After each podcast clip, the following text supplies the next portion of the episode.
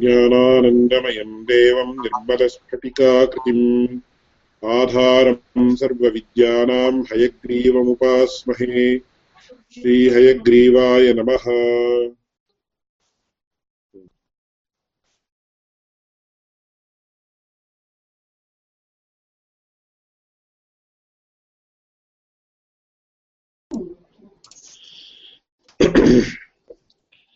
विधाय हृदि विश्वेशम् विधाय गुरुवन्दनम्।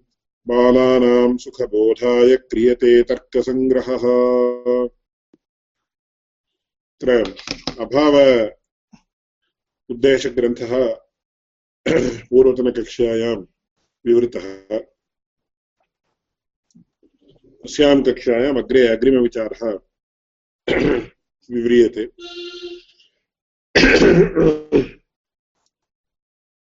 तत्र एतावत्पर्यन्तम् उद्देशग्रन्थः समा सर्वेषां सविधे तर्कसङ्ग्रहस्य पुस्तकमस्ति खलु? अथवा अत्र स्क्रीन् मध्ये प्रदर्शनीयं चेत् प्रदर्शयामि। यद्यपि सर्वेषां साकम् अस्ति प्रदर्शनं स्क्रीन् मध्ये प्रदर्शनं वरमिति मन्ये। तर्हि तथैव।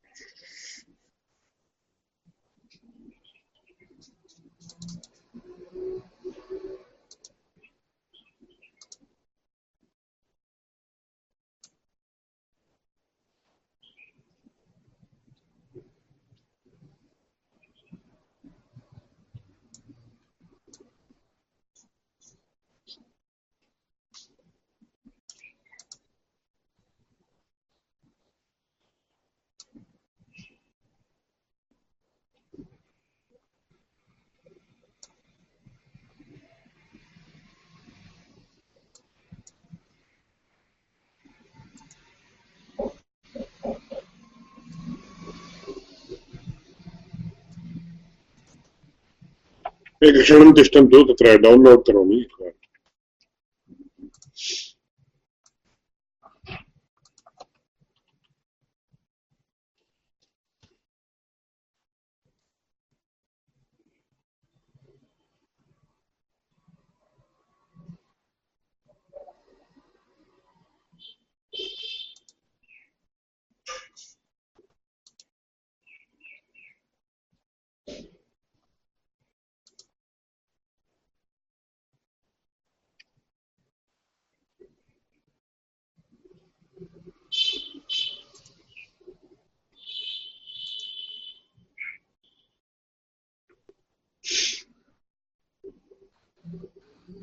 डौन्लोड् करणे क्लेशः अस्ति चेत् मया जातं जातं डौन्लोड् जातम्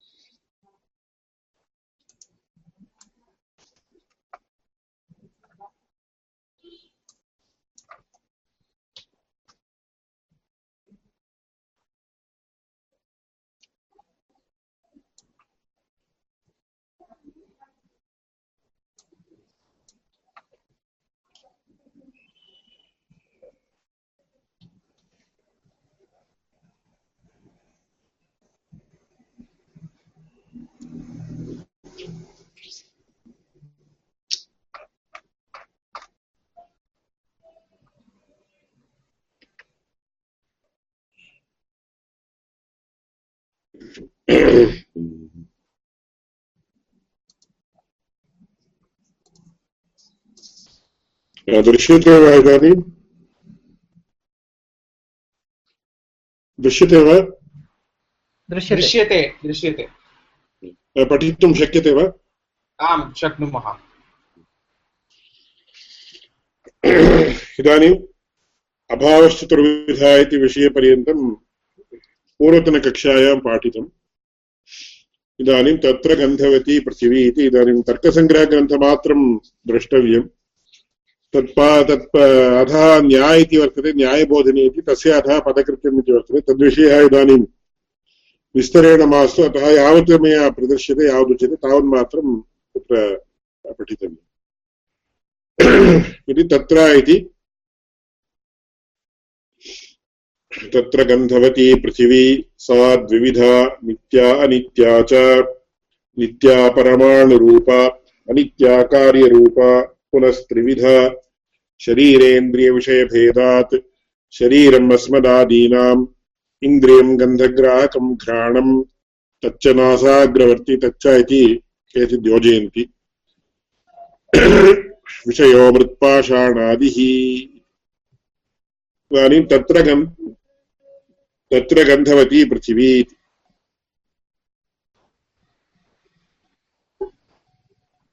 तत्र इति चेत्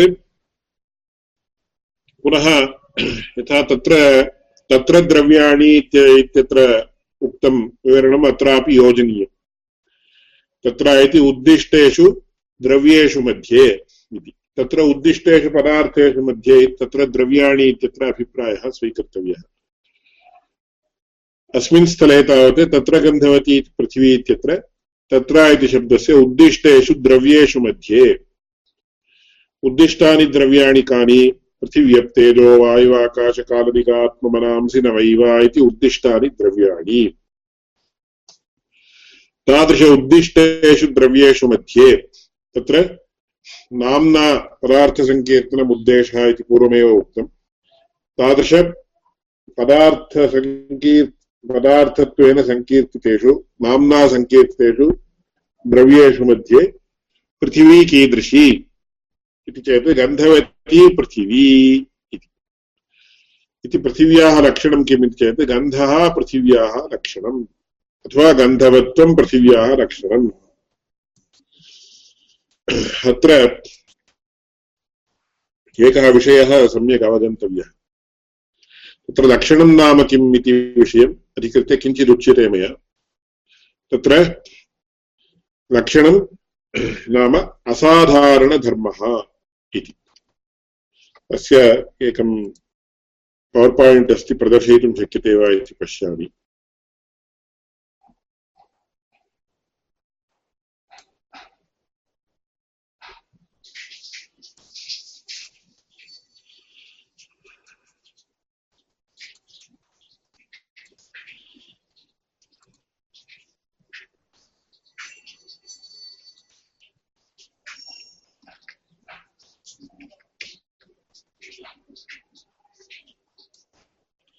तत्र पूर्वमेव कृतं तत् प्रदर्शयामि। इदानीं तत्र धर्मः धर्मी इति विषये यद्यपि अस्माकं परिचयः अस्ति।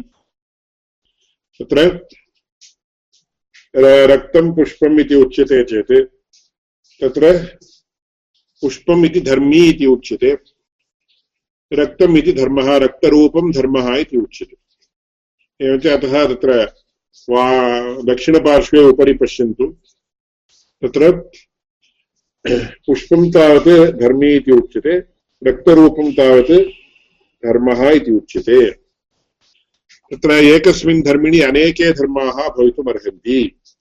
यथा रक्तं पुष्पम् इति उच्यते चेत् तादृशपुष्पे स्पर्शः वर्तते, सुरभिगन्धः वर्तते इति, इमे सर्वेपि धर्माः धर्माः इति उच्यन्ते।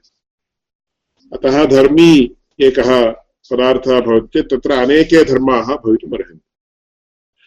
तत्र यः असाधारणधर्मः इति चेत् तादृशवस्तु अथवा तादृशवर्गसम्बन्धीनि यानि वस्तूनि तन्मात्रवृत्तिनो ये धर्माः, ते असाधारण अथवा यः धर्मः, एकोऽपि वा भवितुमर्हति, बहु वा भवितुं बहवो धर्माः वा भवितुमर्हन्ति। तत्र यः यः असाधारणः, सः तावत् लक्षणम् इति उच्यते। तत्र इदानीं गजस्य लक्षणं किम् इति प्रश्नः क्रियते चेत् तत्र शुण्डागजस्य लक्षणम् इति अस्माभिः वक्तुं शक्यते। कुतः शुण्डा इति वस्तु अन्यस्मिन् कस्मिन्नपि प्राणिनि वा अन्यत्र वा कुत्रापि नास्ति। एवं ये गजवर्गान्तर्भूताः गजाः इति ये ये वस्तु वस्तु यानि यानि वस्तूनि वक्तुं शक्यन्ते, तेषु सर्वेषु अपि वस्तुषु शुण्डा वर्तते।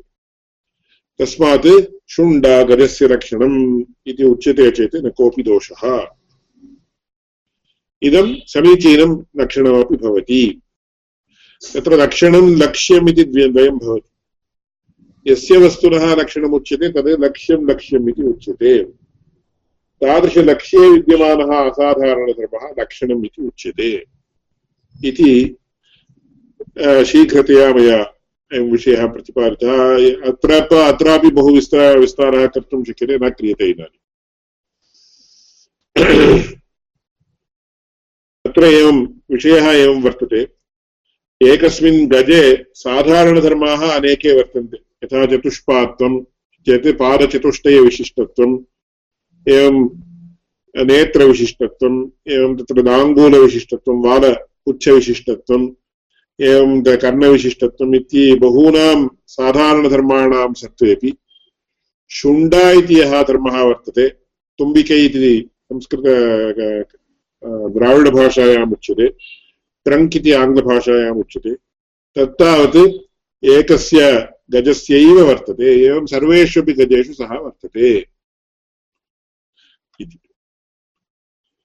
अत्र कथम् एवम् अस्य दर्शनेन ज्ञायते, तत्र प्रथमं लक्षणस्य ज्ञानं कथं भवेत् चेत् प्रायः तत्र आप्तवाक्यादिना भवति।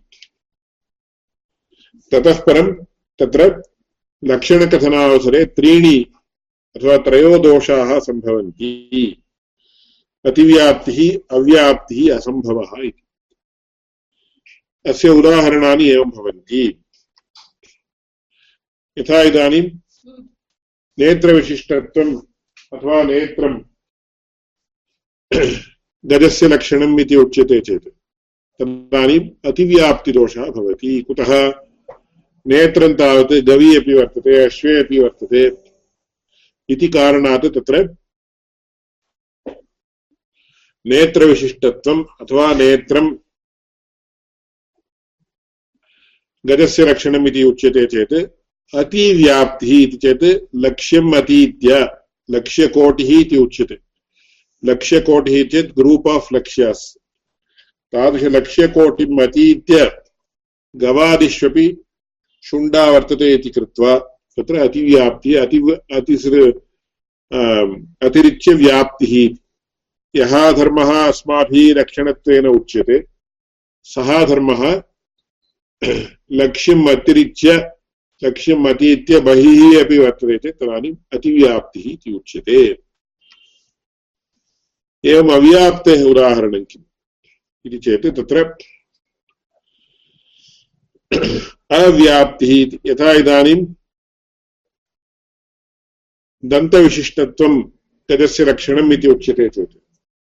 तत्र बहवो गजाः वर्तन्ते, विशिष्य स्त्रीगजाः। येषु दन्तः नास्ति। तस्मात् अस्य लक्ष्यकोटौ एव केषुचित् वस्तुषु वर्तते, न केषुचित् वस्तुषु नास्ति। तदानीम् अव्याप्तिः इति उच्यते। तत्र अधोभागे तावत् मया टङ्कनावसरे दोषः कृतः अस्ति। तत्र अतिव्याप्तिः इत्येव आगतमस्ति। अव्याप्तिः इति तत्र समीकरणं कर्तव्यम्। एवञ्च लक्ष्यैकदेश अवृत्तित्वम् अव्याप्तिः इति उच्यते। लक्ष्यैकदेशे नाम केषुचित् लक्ष्यव्यक्तिषु, कासुचित् लक्ष्यव्यक्तिषु अस्मदुक्तम्, अस्मदुक्तः असाधारणधर्मः वर्तते। अन्येषु लक्ष्यव्यक्ति, अन्यासु लक्ष्यव्यक्तिषु अस्मदुक्तः असाधारणधर्मः नास्ति इति चेत् तदानीम् अव्याप्तिः इति भवति। असम्भवः चेत् लक्ष्ये कुत्रापि असत्त्वम् असम्भवः इति उच्यते। यथा केसरविशिष्टत्वं गजस्य रक्षणम् इति उच्यते चेत् असम्भवः। कुतः लक्ष्यकोटौ कुत्रापि इति चेत् एकस्मिन्नपि गजे केसरः नास्ति। तस्मात् असम्भवः इति दोषस्य इदमुदाहरणं भवति। एवञ्च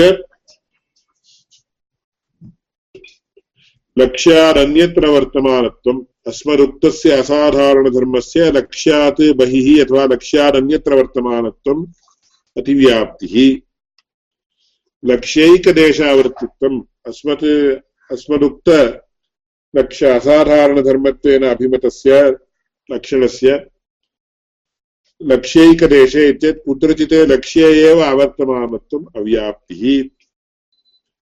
लक्ष्यमात्र आवर्तित्वम् असम्भवः। लक्ष्यकोटौ एकस्मिन्नपि स्थले नास्ति चेत् असम्भवः।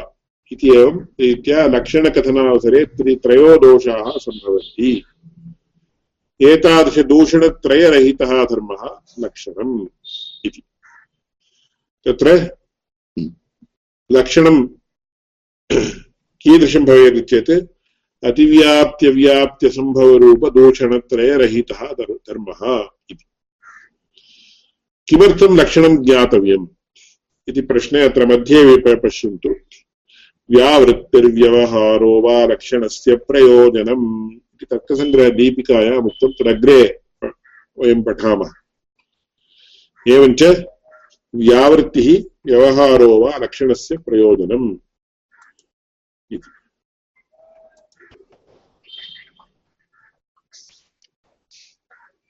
एवञ्च व्यावृत्तिर्व्यवहारो वा लक्षणस्य प्रयोजनं, व्यावृत्तिः नाम किम् चेत् व्यावृत्तिः इतरभिन्नत्वेन ज्ञा, इतरभिन्नत्वं व्यावृत्तिः इत्यपि अथवा इतरभेदः व्यावृत्तिः इत्यपि उच्यते। इतरभिन्नत्वेन ज्ञानं व्यावृत्तिः इत्यपि उच्यते। अतः व्यावृत्तिः नाम इतरभिन्नत्वेन ज्ञानम् इत्येत्। कः इदानीं गजस्य लक्षणं ज्ञायते चेत्, गजः कः गजेतरत् किम्? इत्यदश्वः धेनुः बिडालः कुक्कुरः, मनुष्यः इति एवं गजभिन्नं सर्वं जगत् गजात् भिन्नमेव गजापेक्षया अन्यभूतं अन्यभूतः सर्वोऽपि पदार्थः गजात् भिन्नः अतः तत्र व्यावृत्तिर्व्यवहारो वा व्यवहारो नाम ज्ञानजनकशब्दप्रयोगः अतः लक्षणस्य ज्ञानेन किं भवति चेत् व्यावृत्तिः व्यवहारश्च सम्पादयितुं शक्यते व्यावृत्तिः नाम अस्माभिः इतरभिन्नत्वेन ज्ञानं सम्पादनीयं चेत् तत् कर्तुं शक्यते व्यवहारो नाम इतरेषु तादृशज्ञानं जननीयं चेत् तदानीं तदनुगुणतया शब्दप्रयोगः कर्तव्यो भवति। तस्मात् व्यावृत्तिर्व्यवहारो वा लक्षणस्य प्रयोजनम्। अस्माभिः ज्ञानार्थमपि लक्षणम् आवश्यकम्। इतरेषां ज्ञापनार्थमपि लक्षणम् आवश्यकम्। अतः यस्य कस्यापि वस्तुनः विषये अस्माभिः तत्र ज्ञानं प्राप्तव्यं वा उताहो अथवा तत्र व्यवहारः कर्तव्यश्चेत् वा अवश्यं लक्षणम् आवश्यकमेव, लक्षणज्ञानम् आवश्यकमेव इत्यभिप्रायः तस्मात् व्यावृत्तिर्व्यवहारो वा लक्षणस्य प्रयोजनम् इति प्रथमं तत्र लक्षणस्य स्वरूपम् उच्यते। अस्य विषये प्रायः अत्र विद्यमानैः अयम् ज्ञातपूर्वः इति मनसि निधाय शैघ्र्येण उक्तं मध्ये सन्देहः अस्ति चेत् पृच्छन्तु एवञ्च दूषणत्रयरहितो धर्मः लक्षणम्, असाधारणधर्मो लक्षणम् इत्येवमादिरीत्या लक्षणस्य स्वरूपम् उच्यते। एवं व्यावृत्तिर्व्यवहारो वा लक्षणस्य प्रयोजनमिति लक्षणस्य प्रयोजनज्ञानम् अपि अस्माभिः प्राप्तव्यम्। चेत् किमर्थम् एवं सर्वस्यापि वस्तुनः लक्षणम् उक्त्वा क्लेशः दीयते इति कैश्चित् कैश्चित् उच्येत। अथवा तेषां मनसि एवम् आगच्छेत् किमर्थं सर्वस्यापि लक्षणं किम्, अस्माकं तेन किं भवनीयम्? तत्र सर्वस्यापि लक्षणम् उक्त्वा तत्र द्राविडभाषायाम् एवं तस्य एक्स्प्रेशन् समीचीनं वर्तते। എല്ലാവർക്കും ലക്ഷണം ചൊല്ലി എടുക്കുക എടുക്ക് സ്വാമി കഴുത്തറക്കുകയുള്ളു ഇത് കിമർത്ഥം ഭവന്തः अस्मान् क्लेशय क्लेशयन्ति। सर्वस्यापि लक्षणज्ञानम् आवश्यकं वा इति प्रश्नः स्यात्। अग्रे इदानीं तत्र क्लेशः न ज्ञायते। येषामस्मिन् विषये रुचिः नास्ति। तेषां तावत् तत्र मनसि किमर्थम् एवम् अस्मान् क्लेशयन्ति इति चिन्ता भवेत्। कुतः चेत् प्रसङ्गात् एकां कथां वदामि। एकेषाम् अतीव महासङ्गीत सङ्गीतविद्वांसः, एके महान्तः, अतिमहान्तः सङ्गीतविद्वांसः आसन्। तेषां कथायाम् आगच्छति। सः यदा बालकः आसीत् तदानीं तस्य पिता तं गणितशास्त्रकक्षायां योजितवान्। तस्य तावत् गणितशास्त्रे आसक्तिरेव नासीत्। तस्य सङ्गीतशास्त्रे विशिष्य आसक्तिः रागः, तत्र तालम् इत्यादिकं कथं कर्तव्यं कीदृशरागे वर्तते, अथवा तत्र सप्तस्वराः, के कथं तस्य गानं कर्तव्यं, सप्तस्वराणां सरिगमपदनिसा इति तत्र सर्वेष्वपि रागेषु तत्र कथं तत्र गानं कर्तव्यम् इत्येवमादिविषये तस्य अतीव आसक्तिः आसीत् परन्तु बालानाम् आसक्तिः कस्मिन् विषये वर्तते इति तत्र बहु बहुधा तत्र तदीयैः तदीयाभ्यां पितृभ्यां न ज्ञायते अतः एवं कुर्वन्तु यथा कस्यचित् इञ्जिनियरिङ्ग् मध्ये आसक्तिर्नास्ति चेदपि तम् इञ्जिनियरिङ्ग् मध्ये योजयन्ति तत्र बहु तत्र धन, धनार्जनादिकं कर्तव्य, कर्तुं शक्यते इति। अथवा मेडिकल् फील्ड् मध्ये तस्य अभिप्रायः नास्ति चेदपि तं तत्र योजयन्ति केचित्। इति केषाञ्चित् विषये एवं लोके वर्तते अस्तु। सः यदा गणितशास्त्रीयकक्ष्यां प्रति अगच्छत्, तत्र पर्सेण्टेज् इति। तद्विषये पाठः प्रचलन् आसीत्। तदानीं तत्र पर्सेण्टेज् केल्कुलेशन् कर्तुम् एक तत्र एकः प्रसङ्गः तत्र योजितः। एकः तत्र तैल वर्तकः आसीत्। तैलं तैलस्य विक्रयणं कृत्वा, तैलविक्रयणं कृत्वा सः जीवनं यापयति स्म। तदानीं तत्र एकः तैल विक्रेता आसीत्। सः तत्र उत्तमं शुद्धं तैलम् एकम् एक लीटर् परिमितम् इति किञ्चित् एक लीटर् परिमितं शुद्धं तैलं स्वीकृत्य, तस्य कृते विंशतिप्रतिशतम् अशुद्धं तैलं योजयति स्म। तत्र साङ्कर्यं करोति स्म। कलबेरिके इति उच्यते, तत्र अडल्ट्रेशन् इति आङ्ग्लभाषायां साङ्कर्यम्। एवं कृत्वा सः तत्र अधिकधनं शीघ्रेण अर्जयितुं प्रयतते स्म। इति तत्र उक्त्वा तत्र इदानीम् एकलीटरस्य कृते दशरूप्यकं चेत्, अथवा पञ्चदशरूप्यकं चेत्, तत्र विंशतिप्रतिशतं तत्र दुष्टतैलम् अथवा तत्र यस्मिन् तैले तत्र असमीचीनं तैलं योजयति स्म, तत्र कियत् प्रतिशतं तस्य लाभः अधिकः आगतः इति तत्र भवन्तः केल्क्युलेशन् कुर्वन्तु इति तत्र आसीत्। तस्य कथनार्थम् एकः, तस्य गुरुः तत् प्रथमं तस्य प्रसङ्गं पठितवान् एकः तैलवर्तकः तैलविक्रेता आसीत् झटिति अनेन सङ्गीतशास्त्र आसक्तेन विदु विद्यार्थिना उक्तम् सर्वे किं भोः तैलवर्तकः आसीत् इति भवतु का हानिः सर्वे सर्वेणापि किमपि कर्तव्यमेव लोके एकः तैलं विक्रेति, अपरः तावत् तत्र पुष्पं विक्रेति, अपरः फलं विक्रेति। किञ्चित् कर्तव्यमेव खलु, किमर्थं तैलविक्रयणं करोति चेत् को दोषः? करोतु, तस्य इच्छा यथा अस्ति, करोतु। हे तदानीं तत्र अध्यापकेन तथा नास्ति भोः। अग्रे कश्चन विषयः वर्तते, किञ्चित् किञ्चित्, कञ्चित् कालं तत्र शृणोतु। अस्तु अस्तु इति अनेन विद्यार्थिना उक्तम्। ततः परं सः अध्यापकः अनुवर्तितवान् किमिति। सः एवं तैल एकं शुद्धम् एकं लीटर् शुद्धं स्वीकृत्य तस्य कृते विंशतिप्रतिशतं तत्र अशुद्धं तैलं योजयति स्म, अडल्ट्रेशन् करोति स्म इति। तदानीम् अनेन उक्तं, भो कलिकालः अयं को वा तत्र सर्वस्य, सर्व, सर्वस्मिन्नपि विषये प्रामाणिकः भवति? सर्वेपि एकरीत्या वा अन्यरीत्या वा अन्यायं कुर्वन्त्येव। किमर्थं भवद्भिः एतेषु विषयेषु अतीव येन तले केडुतुकरेण इन्द विषयत् इति तमिळ्भाषायाम् उच्यते किम एते एक्स्प्रेशन्स् भाषायामेव सम्यक् आगच्छन्ति। भवद्भिः किमर्थं क्लेशः स्वीक्रियते अस्य विषये? तथा इति तदानीं तत्र अध्यापके तथा नास्ति, अग्रे अग्रे वर्तते श्रूयताम्। हा, किमिति? तत्र एवं योजयति स्म। एवं रीत्या एकशतलीटरस्य क्रियते चेत् तस्य अधिकं कियत् अन्यायेन, कियत् धनं, कियत् प्रतिशतम् अन्यायेन धनम् अर्जितम् इति उच्यताम्। तदानीम् अस्य अनेन विद्या, भो किमर्थं सः एकरूप्यकं वा अर्जयतु, शतरूप्यकं वा अर्जयतु, एकसहस्ररूप्यकं वा अर्जयतु, एककोटिरूप्यकं वा अर्जयतु, अस्माकं किम् किम् अस्माकं कृते सः दशरूप्यकं वा, एकशतरूप्यकं वा ददाति वा? सः अधिकं वा अर्जयतु न्यूनं वा अर्जयतु अन्यायं वा अन्यायेन अर्जयतु वा न्यायेन अर्जयतु वा अस्माकं किं भोः मम इदानीं सर्वं न रोचते अहं गच्छामि इति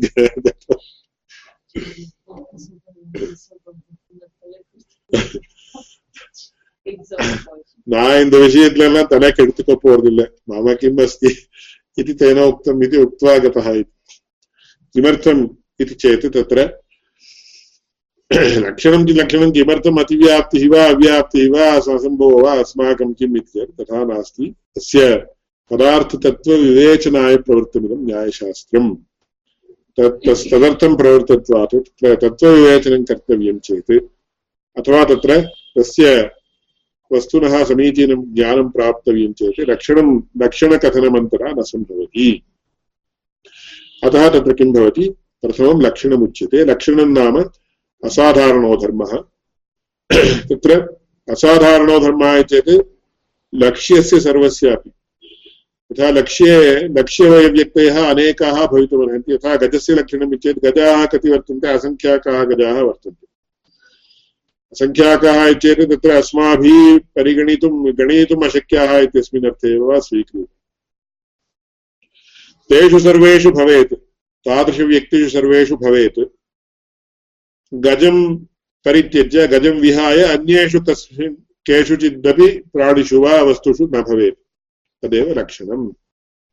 इति अतिव्याप्त्यव्याप्त्यसम्भवरहितं रहितो धर्मः, भवेत् सः। इदानीं तत्र गन्धवती पृथिवी। तत्र गन्धवती पृथिवी इति यदा उच्यते, तदानीं गन्धः पृथिव्याः लक्षणं गन्धः पृथिव्याः लक्षणम् इत्युच्यते चेदपि गन्धवत्वं पृथिव्याः लक्षणं चेदपि इत्युच्यते चेदपि एकमेव। कुतः गन्धवत्वं च गन्ध एव इति अग्रे एकस्मिन् स्थले उच्यते। विशिष्टाद्भावप्रत्ययः विशेषणम् अभिसन्धत्ते इति एकः न्यायः नव्यन्याये उच्यते। गन्धवत्वम् ईक्वल्स् गन्धः। कथं गन्धवत्वम् ईक्वल्स् गन्धः, कथं भवति इति चेत् तत्र नियमः अस्ति। विशिष्टात् भावप्रत्ययः विशेषणम् अभिसन्धत्ते इति। तस्य एकम् उदाहरणं दास्यामि, तत्र स्लैड् इत्यादिकं योजय योजयित्वा प्रदर्शयितुं शक्यते यद्यपि. उदाहरणं किम् इति चेत् तत्र इदानीं धनवत्वम् इति उच्यते इति चिन्त्यताम् धनवत्वम् इति चेत् धनवत् इत्येतत् कोऽर्थः? धनः धनम् अस्य अस्ति इति धनवान् इति. धनवान् इत्येतत् धनविशिष्टः इत्यर्थः. धनवत्वं नाम धनविशिष्टे धनवति विद्यमानः असाधारणधर्मः इत्येतत् कोऽर्थः धनवति विद्यमानः असाधारणधर्मः कः? धनमेव। कुतः? धनवान् इति अस्माभिः तत्र धनपुरस्कारेण तस्य परिचयः क्रियमाणः अस्ति। तस्मात् धनवति विद्यमानः असाधारणधर्मः कः इत्येतत् धनवत्वम्। धनवत्वं नाम किं? धन एव। धनमेव। यथा इदानीं अस्य इतोपि सुलभम् उदाहरणम् एकं दास्यामि। रक्तवर्णविशिष्टे पुस्तके कीदृशं, कीदृश रक्तवर्णविशिष्टे पुस्तके कीदृशो वर्णः वर्तते चेत् किमुच्यते अस्माभिः? एकदृष्ट्या प्रश्न एव असमीचीनः। कुतः रक्तवर्णविशिष्टे पुस्तके इति उक्त्वा पुनः तत्र कीदृशं रूपं वर्तते इति प्रश्नः असमीचीनः इति अस्माभिः यद्यपि वक्तुं शक्यते। तथापि केनचित् मूर्खेण पृष्टमिति चिन्त्यताम् इदानीम् उत्तरं किं दीयते अस्माभिः?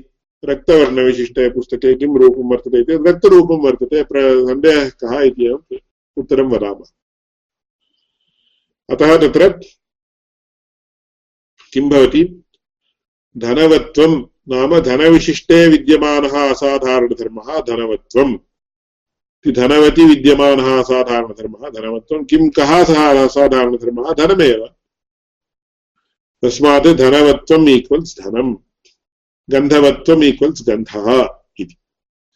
अत्र एकः अंशः अतीव जागरूकतया अवगन्तव्यः।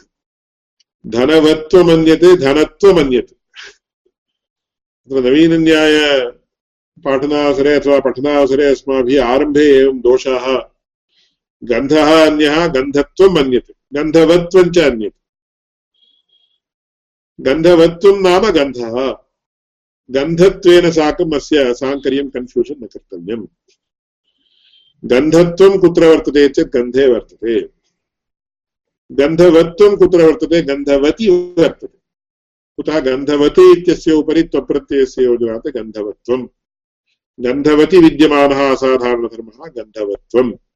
गन्धवत्वं नाम कः गन्ध एव कुतः? विशिष्टात् भावप्रत्ययः। विशिष्टात् इति गन्धवत् इति गन्धविशिष्टः इत्यर्थः। तदुपरि भावप्रत्ययः यदि योज्यते, गन्धवत्वम् इति भवति। तत् किं करोति? विशेषणम् अभिसन्धत्ते ultimately it is as good as saying विशेषण ओन्लि गन्धवत्वं नाम गन्ध एव धनवत्वं नाम धन धनमेव। इति अयं नियमः वर्तते, तत् कृपया भवन्तः नो, नोट् कुर्वन्तु, अथवा तत्र तद्विषये अवधानं दीयताम्।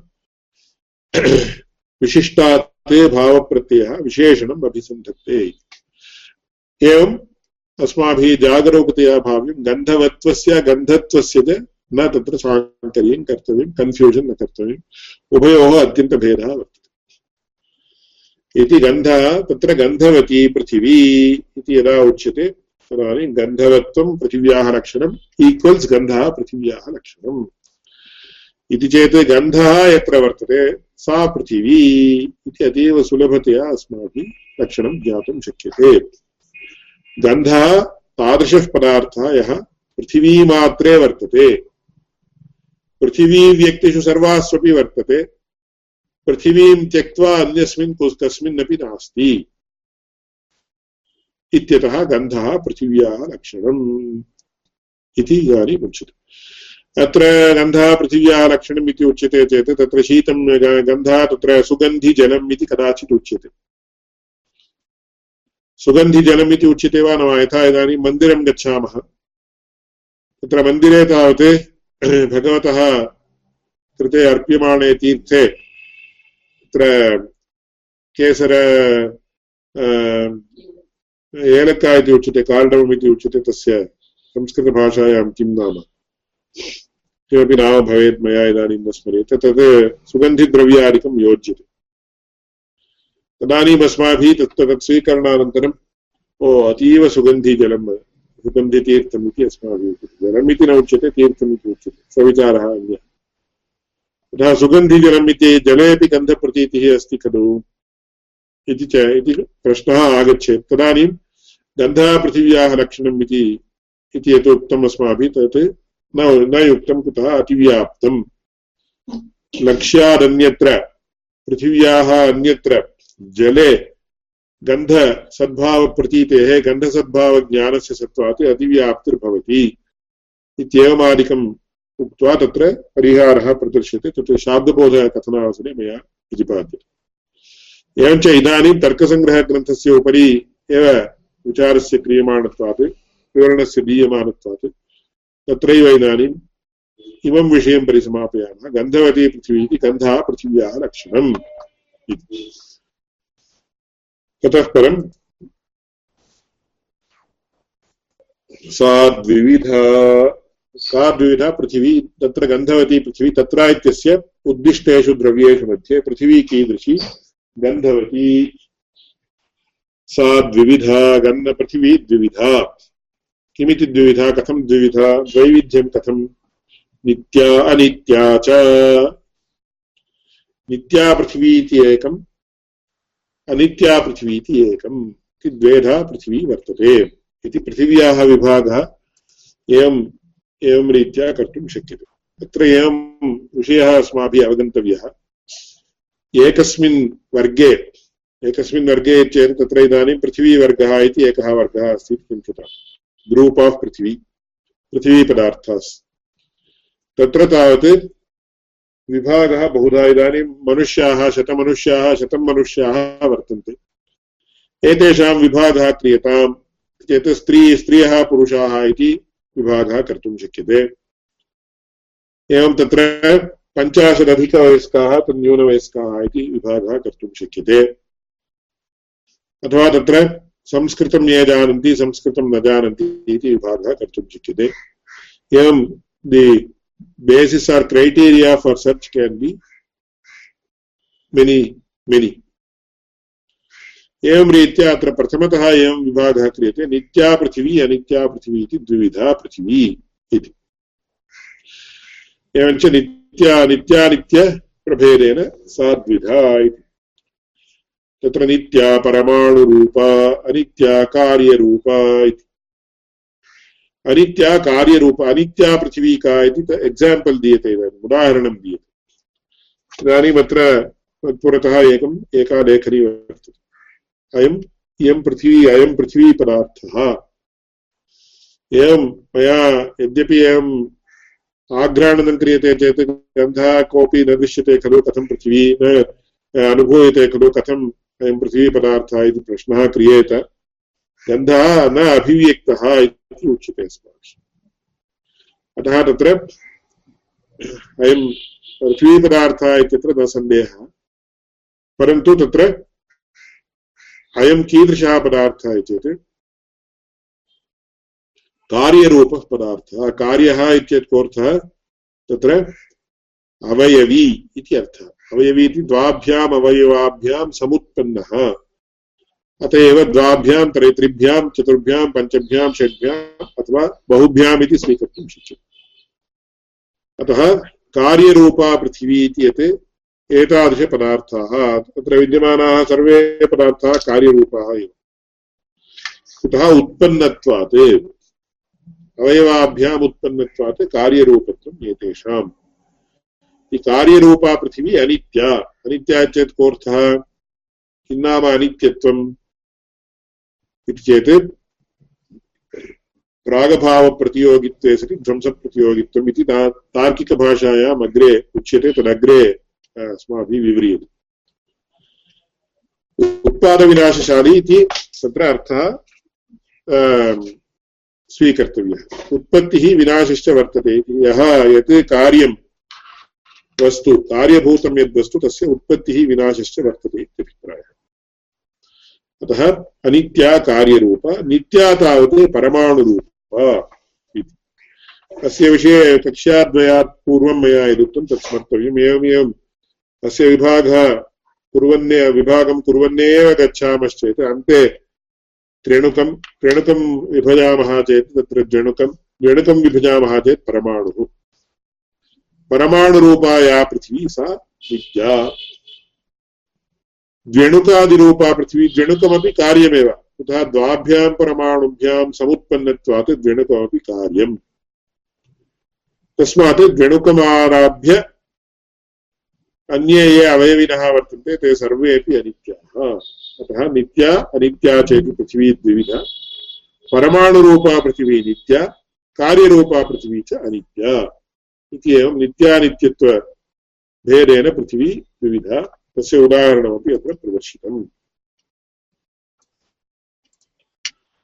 ततः परं पुनस्त्रिविधा इति। पुनस्त्रिविधा चेत् प्रकारान्तरेण अस्माभिः विभागः क्रियते। शरीर इन्द्रियविषयभेदा तत्र मया यथा उक्तं तत्र विभागः बेस्ड् आन् डिफरेण्ट् क्रैटीरिया शरीरम् इन्द्रियं विषयः तत्र शरीरं ज्ञायते एव शरीरम् अस्मदादीनां। तस्य उदाहरणं किम्? अस्मदादीनां शरीरं पार्थिवं पार्थिवम् इत्येत् पृथिवीपरिणामभूतम् इति। अत्र वेदान्तिभिः तावत् पान्त्यभौतिकं शरीरम् इति उच्यते। अस्माभिः तावत् तार्किकैः पार्थिवं शरीरम् इति उच्यते। पार्थिवं नाम पृथिवीद्रव्यस्य इदं पार्थिवम् इति। तत्र तावता शरीरे तेजः, आपः इत्यादयः न सन्ति इति नार्थः, परन्तु ते किं वदन्ति वेदान्ततः सम्पूर्णतया पाञ्चभौतिकम् इति वदन्ति। अस्माभिः पार्थिवम् इति उच्यते चेत् कोऽर्थः? प्रिडामिनेण्ट्लि पार्थिवम् इत्यस्मिन् अर्थे स्वीकर्तुं शक्यते। अतः अस्मदादीनां शरीरं पार्थिवम् कुतः चेत् तत्र सिम्पल् थम्ब् रूल् इति। शरीरे गन्धः अस्ति वा न वा चेत् गन्धः अस्ति। तस्मात् शरीरं पार्थिवं पृथिवीद्रव्यस्य पृथिवीद्रव्यात्मकम् इत्यर्थः। शरीरम् अस्, शरीरम् अस्मदादीनाम् अस्मदादीनाम् इत्युक्ते अस्माकम् अहमस्मि, भवन्तः सन्ति। सर्वेषामपि शरीरं पृथिवी, पृथिव्यात्मकम् अथवा पृथिवीद्रव्यरूपम् इति। अनन्तरम् इन्द्रियं गन्धग्राहकं घ्राणम् इति। इन्द्रियं कीदृशम् तत्र गन्धं गृह्णाति यत् घ्राणेन्द्रियं, तदेव इन्द्रियं गन्धग्राहकं घ्राणम्। इति घ्राणेन्द्रियं पार्थिवम्, इन्द्रियमपि स्वतः पृथिवीस्वरूपमेव भवति। तच्च तत् कुत्र वर्तते इन्द्रियम् इत्येतत् नासाग्रवर्ती नासा इत्येतत् अत्र एतादृशभागः। अस्य अग्रे वर्तते, यथा इदानीं सुगन्धः अस्ति वा न वा चेत् किं कुर्मः, एवं स्वीकृत्य सुगन्धः अस्ति इति कदाचित् गन्धः सर्वत्र व्याप्तश्चेत् अस्माभिः तदानीं तथैव वक्तुं शक्यते, परन्तु अत्र कीदृशगन्धः अस्ति इत्येवं कृत्वा एवम् अस्ति इति एवं तस्मात् इन्द्रियं नासाग्रवर्ती। नासाग्रे कुत्र वर्तते इति प्रश्नानि किमपि कर्तुं शक्यते, तत्र आधुनिकविज्ञानदृष्ट्या बहुविचाराः कर्तुं शक्यते, शक्यन्ते अस्मिन् विषये। तच्च नासाग्रवर्ति विषयः मृत्पाषाणादि। साधारणम् उदाहरणम् एकं दीयताम् चेत्, विषयः इत्यर्थः अतीव प्रसिद्धं, सर्व, सर्वैः ज्ञातुं शक्यम् उदाहरणं दीयताम् चेत्, तत्र विषयो मृत्पाषाणादिः, मृत् मृत् इति मृत्तिका, पाषाणः इति शिलादिकं, तत्सर्वं पृथिवी एव इति द्वेधा पृथिवी द्रव्यस्य विभागं प्रदर्शितवन्तः। एकं नित्यानित्यत्वभेदेन विभागं कृत्वा प्रदर्शितवन्तः। अपरं तावत् शरीरेन्द्रियविषयभेदात् इति एवं रीत्या शरीरः शरीरम् इन्द्रियं विषयः इति एवं रीत्या त्रेधा विभागं कृत्वा परिचयं कारितवन्तः सन्ति अन्नम्भट्टाः इति एवं पृथिवीग्रन्थः तत्र समाप्यते। अतः तत्र गन्धवती पृथिवी, सा द्विविधा नित्या नित्या च। नित्या परमाणुरूपा, अनित्या कार्यरूपा पुनस्त्रिविधा शरीरेन्द्रियविषयभेदात्, शरीरमस्मदादीनाम्, इन्द्रियं गन्धग्राहकं घ्राणम्। केचित् तच्च इति पाठान्तरं योजयित्वा तच्च नासाग्रवर्ती विषयो मृत्पाषाणादिः। तत्र पृथिवीग्रन्थः, अथवा पृथिवीपरिचयग्रन्थः अत्र समाप्तो भवति। इतः परं जलग्रन्थः प्रारभ्यते सविचारः श्वः प्रायः अनुवर्त्यते इदानीं साक्षात् प्रश्नाः सन्ति चेत् प्रष्टुं शक्यन्ते पूर्वतनकक्षाविषये प्रश्नः उच्यताम्। प्रथमः प्रश्नः देशः आकाशः। भेदः। सविचारः अनन्तरम् उच्यते कुतः इत्युक्ते द्रव्यनिरूपणानन्तरं द्रव्यनिरूपणसमये आकाशः विषयः आगच्छति। तदानीं प्रश्नस्य उत्तरं दीयते। तर्हि विशेषपरमाणोः कः सम्बन्धः? विशेषपरमाणोः तत्र समवायसम्बन्धः एव कुतः चेत् तत्र अन्ते आगच्छति तर्कसङ्ग्रहग्रन्थस्य अन्ते नित्यसम्बन्धः समवायः अयुतसिद्धवृत्तिः तयोर्द्वयोर्मध्ये एकमविनश्रवस्थम् अपराश्रितमेवावतिष्ठते तावयुतसिद्धौ इति समवायः कति स्थलेषु इत्युक्ते यथा अवयवावयविनौ अवयव अवयविनोः यः सम्बन्धः सः समवायः गुणगुणिनौ द्रव्यस्य गुणस्य च सम्बन्धः समवायः क्रिया क्रियावन्तौ क्रियायाः क्रियावतो द्रव्यस्य च सम्बन्धः समवायः। जातिव्यक्ति, इदानीं गोः गोत्वस्य च सम्बन्धः समवायः। एवं विशेषनित्यद्रव्ये चेति। परमाणोः तद्गतविशेषस्य च समवायः सम्बन्धः इति स्पष्टं ग्रन्थे एव प्रतिपादितम्। उत्तमः प्रश्नः। तत्र परमाणोः तद्विद्यमान तत्र विद्यमानविशेषस्य च समवायः सम्बन्धः इति स्पष्टम् अभीत् परमाणोः मध्ये भेदः तयोः संयुक्तदेशभेदात् इति किमर्थं न उच्यते विशेषात् इत्येव किमर्थं वक्तव्यम् प्रश्नः पुनः उच्यताम् परमाणोः मध्ये भेदः विशेषात् इति उक्तं खलु आम् एवं तथैव किमर्थं वक्तव्यम् इति प्रश्नः। यतः तयोः संयुक्तदेशभेदात् अपि परमाणुः मध्ये भेदः अस्ति इति वक्तुं शक्यते खलु। यतः आकाशः विभुपदार्थः। आकाशः विभुपदार्थः। तर्हि आकाशस्य अवयवः सन्ति अवयवाः सन्ति। न न न सन्ति सर्वथा न सन्ति आकाशस्य अवयवाः न सन्ति। तर्हि आकाशस्य एकप्रदेशः द्वितीयप्रदेशः इति वक्तुं शक्यते खलु? तत्र न न वक्तुं शक्यते। अयमपि प्रश्नः इदानीं मया अस्य विषये विस्तरेण विवरणं दीय दास्यते। कदा इत्येतत् तत्र आकाशग्रन्थस्य विवरणावसरे तद्विषय, अयं विषयः विस्तरेण सु उच्यते। अनन्तरं भवतां प्रश्नस्य उत्तरं तत्रैव आगच्छति। अस्तु। कुतः इत्येत् इदानीं न किमर्थं विवृणोमि इत्येत्? आकाशग्रन्थस्य आकाशस्य स्वरूपं ग्रन्थे यथा उक्तं तत्सर्वम् अत्र विवरणं दाव दातव्यं भवति। तस्य इदानीम् अग्रे एव कक्षाद्वय आभ्यन्तरे एव तस्य विषयः आगच्छति। विस्तरेण वक्तव्यत्वात् इदानीं न अस्य उत्तरमुच्यते परन्तु प्रश्नः तु युक्त एव। धन्यवादः। अन्यः कोऽपि प्रश्नः अस्ति परमाणुः प्रलये अपि नित्यरूपेण एव वर्तते इति तार्किकानां मतः। एवम् एवं नित्यः इत्येतत् प्रलयेपि वर्तते इत्येव अर्थः। अस्तु।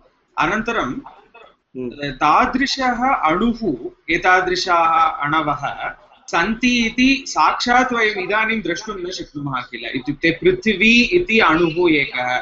तादृश तादृशलक्षणम् अथवा लक्षणं न वयं तथा न पश्यामः इति साक्षात् अब्सर्वेशन् वा तन्मध्ये दृश्यते। अतः एतत् केवलम् एकं माडलिङ्ग् इति वक्तुं शक्नुमः वा? अतीव युक्तः प्रश्नः। अस्य उत्तरं तावत् तत्र मुक्तावलीग्रन्थे दत्तमस्ति। तत्र परमाणुसाधनम् इत्येव वैशेषिकसूत्रेपि वर्तते। मुक्तावल्यादिग्रन्थेषु, किरणावल्यादिग्रन्थेषु, उदयनाचार्यरचितेष्वपि उदयनाचार्यादिरचितेषु किरणावल्यादिग्रन्थेष्वपि अस्य प्रश्नस्य उत्तरं वर्तते। एवं तत्र मुक्तावलीग्रन्थेपि अयं विषयः आगच्छति। परमाणुः अस्ति इत्यत्र किं प्रमाणम् इति। एकदृष्ट्या अस्माकम्, अस्माकं प्रमाणस्वरूपादिकम् अतीव स्ट्रीम् लैन्ड् अस्ति। प्रत्यक्षम् अनुमानं शब्दः इति प्रमाणत्रयं तार्किकैः उपमानाख्यमतिरिक्तप्रमाणं स्वीक्रियते तस्य विषयेपि वक्तव्यांशः बहु वर्तते। इतरग्रन्थकारैः अथवा ग्रन्थकृ तत्र पण्डितैः अनुक्तः विषयः अस्मत् गुरुचरणैरेव तत्र तद् तस्य विषये बहु तत्र चिन्तनं कृतमस्ति। स विचारः अस्ति। परन्तु इदानीम् अस्माकं शास्त्रेषु स्पष्टतः तत्र परमाणुः अस्ति इत्यत्र किं प्रमाणम् इति चेत् प्रत्यक्षप्रमाणं वा अनुमानप्रमाणं वा शब्दप्रमाणं वा इति प्रश्नः आगच्छति। प्रत्यक्षप्रमाणेन न ज्ञातुं शक्यते इति वयं स्पष्टं जानीमः। इदानीम् अस्मा लौकिक, तत्र योगिप्रत्यक्षम् इति अन्यदेकं वर्तते तद्विचारः इदानीं मास्तु। स्वयमेव आगच्छति।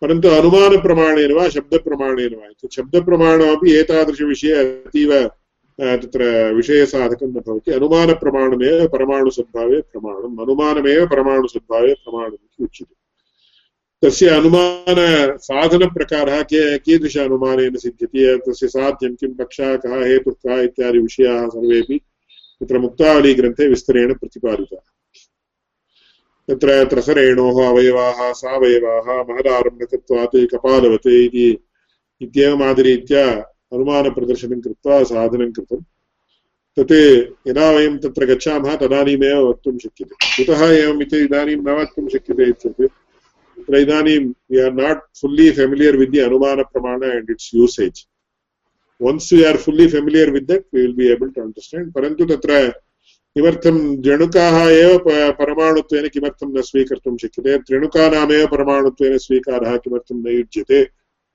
इत्येवमादि सर्वेषां प्रश्नानाम् अस्ति अवकाशः। एवं परमाणुरेव अन्तिमः तस्यापि भागाः सन्ति इति कुतो वा न वक्तुं शक्यते। इत्येवमादीनां सर्वेषामपि प्रश्नानाम् अस्ति अवकाशः। तेषाम् उत्तरमपि अस्ति। तदवसरे मया अवश्यं तस्य उत्तरं दीयते। माडल् इति तत्र, एवं मया विज्ञानविषये सम्यक् न अधिगतम्।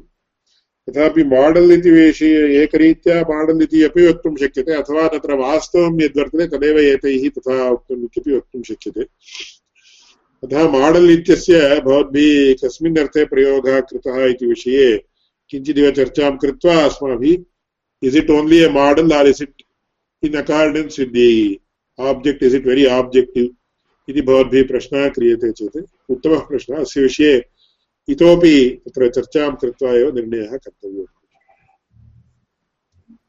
अस्तु धन्यवादः। अनन्तरं शीघ्रमेकम् एकः प्रश्नः। भवता किमपि उक्तम् अहं विस्मृतवान्। एतादृशपरमाणुविषये वेदान्तिनां मतं किम् इत्युक्ते तेषाम् अभ्युपगमनम् अस्ति वा अथवा तस्मिन् विषये तत्र वेदान्तदेशिकवर्यैः विश्रमस्तस्तु दृष्टे इति रेणुकस्यैव परमाणुः इति गृह्यतां का हानिः तत्र तैः उक्तम्। तत्र विश्रमस्तस्तु दृष्टे इति तत्र मुक्ताकलापे दृष्टे चेत् रेणुकः दर्शनविषयः अथवा अस्माकं चक्षुर्गोचरः इति वदन्ति। तत् तदेव परमाणुः इति स्वीक्रियतां का हानिः इति तत्र उक्तम्।